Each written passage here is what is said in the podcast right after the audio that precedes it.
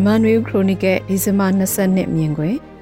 မန်တုံနဲ့လောက်ကိုင်မြို့တွေမှာတိုက်ပွဲဖြစ်ပွားနေပြတ်တောက်မှုခံထားရတဲ့ရခိုင်ပြည်နယ်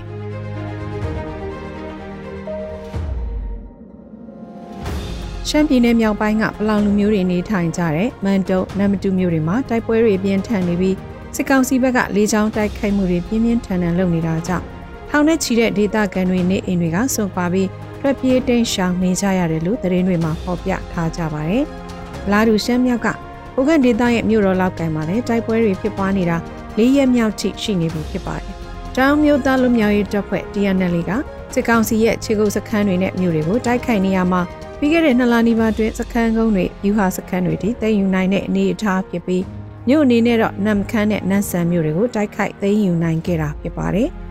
လောင်ကိုပိုင်းအုပ်ချုပ်ခွင့်ရဒေသရဲ့မြို့တော်ဖြစ်တဲ့နမ်ဆန်မြို့ကိုအကြသေးခင်ကသိမ်းယူခဲ့ပြီးနောက်ခုခါမှမန်တုံနဲ့နမ်တူမြို့တွေကိုဆက်လက်တိုက်ခိုက်နေတာဖြစ်ပါတယ်။ဒီစစ်စင်ရတဲ့အတွင်းမှာနေဆက်ကုံသွေးလမ်းကြောင်းမှာရေးပါတဲ့105မိုင်ကုံသွေးစုံကြီးကစစ်ကောင်စီစခန်းကိုလည်း DNA နဲ့ AA တို့ပူးပေါင်းတိုက်ခိုက်သိမ်းယူခဲ့တယ်လို့သတင်းတွေမှာဖော်ပြထားပြီးဖြစ်ပါတယ်။ DNA အနေနဲ့ရှမ်းမြောက်ဒေသကနေမြေအတော်များများကိုနှစ်လအနီးပါးအတွင်းတိုက်ခိုက်သိမ်းယူထားပြီး နောက်တောင်ဘက်မှာမိုးကုတ်နောင်ချိုဒေသတွေထိလှုပ်ရှားနေတာလည်းတွေ့ရမှာဖြစ်ပါတယ်။ရှမ်းပြည်နယ်မြောက်ပိုင်းမှာလူမျိုးစုအရာသမိုင်းအစဉ်ဆက်ခြေချမှုရခြားသောလူမျိုးစုတွေဖြစ်တဲ့ကချင်ရှမ်းနဲ့ခြားသောလူမျိုးစုတွေပါရောနှောနေထိုင်နေကြတဲ့နေရာတွေလည်းများပြားရှိနေတာဖြစ်ပြီးခုခိုင်မြို့နယ်လို့နမ်ခမ်းမြို့နယ်လို့ဒေသတွေမှာလူမျိုးစုတွေတခုမကရောနှောနေထိုင်နေကြတာဖြစ်ပြီး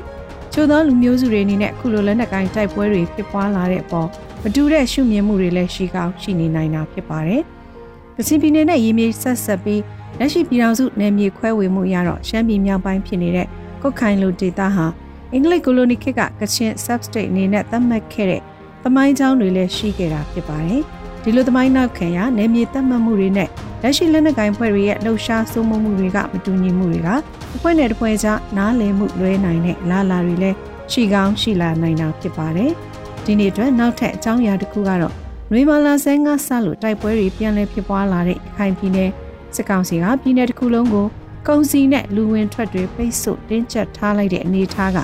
ရခိုင်ပြည်နယ်မှာနေထိုင်နေကြတဲ့တန်းနဲ့ချီတဲ့လူတွေကိုကြီးမားတဲ့သက်ရောက်မှုတွေရှိနေပြီး စီးရဲလှုပ်ရှားမှုစီးရဲရည်ရွယ်ချက်နဲ့ဒေသကြီးတစ်ခုလုံးကိုပိတ်ဆို့ဖျက်တောက်ထားခြင်းဟာလက်နက်ကိုင်းတဲ့အရသာခွဲခြားခြင်းမရှိဘဲအားလုံးကိုရှင်သန်နေထိုင်မှုခက်ခဲအောင်လှုံ့ဆော်တဲ့ဆရာဆွေးမှုတရက်တစ်ဖွဲဖြစ်နေတာပါ။ပြီးမှလို့ခေါ်ဆိုကြတဲ့ရန်ကုန်မန္တလေးအေရီအစရှိတဲ့ဒေသတွေကတည်ယူတင်သွင်းရတဲ့ကုန်ပစ္စည်းတွေဖြစ်တဲ့လောက်စားစီစေဝါစားသောက်ကုန်တွေရဲ့ဈေးနှုန်းတွေပြီးခဲ့တဲ့တလကျော်ကာလအတွင်းမတန်တဆမြင့်တက်လာနေတာကြားသိနေရပါတယ်။မြေဥသီးစိတ်ခရမ်းကျင်သည်ကော်ပီတုတ်လို နေ့စဉ်စားတောက်တဲ့စားတောက်ကုန်ကဝိတ်သားကိုကြက်တောင်းနဲ့ချီပေးရတဲ့အနေအထားမျိုးဖြစ်လာပြီးခြေကကြဆုံးစားတောက်ကုန်စံစည်းကနှစ်ဆမကမြင့်တက်လာနေတာလည်းဖြစ်ပါတယ်။စစ်ပွဲကြောင့်ပိတ်ဆို့မှုကြောင့်နေ့စဉ်အသက်မွေးဝမ်းကြောင်းလုပ်ငန်းတွေမလုပ်ကိုင်နိုင်တဲ့အခြေအနေမျိုးမှာ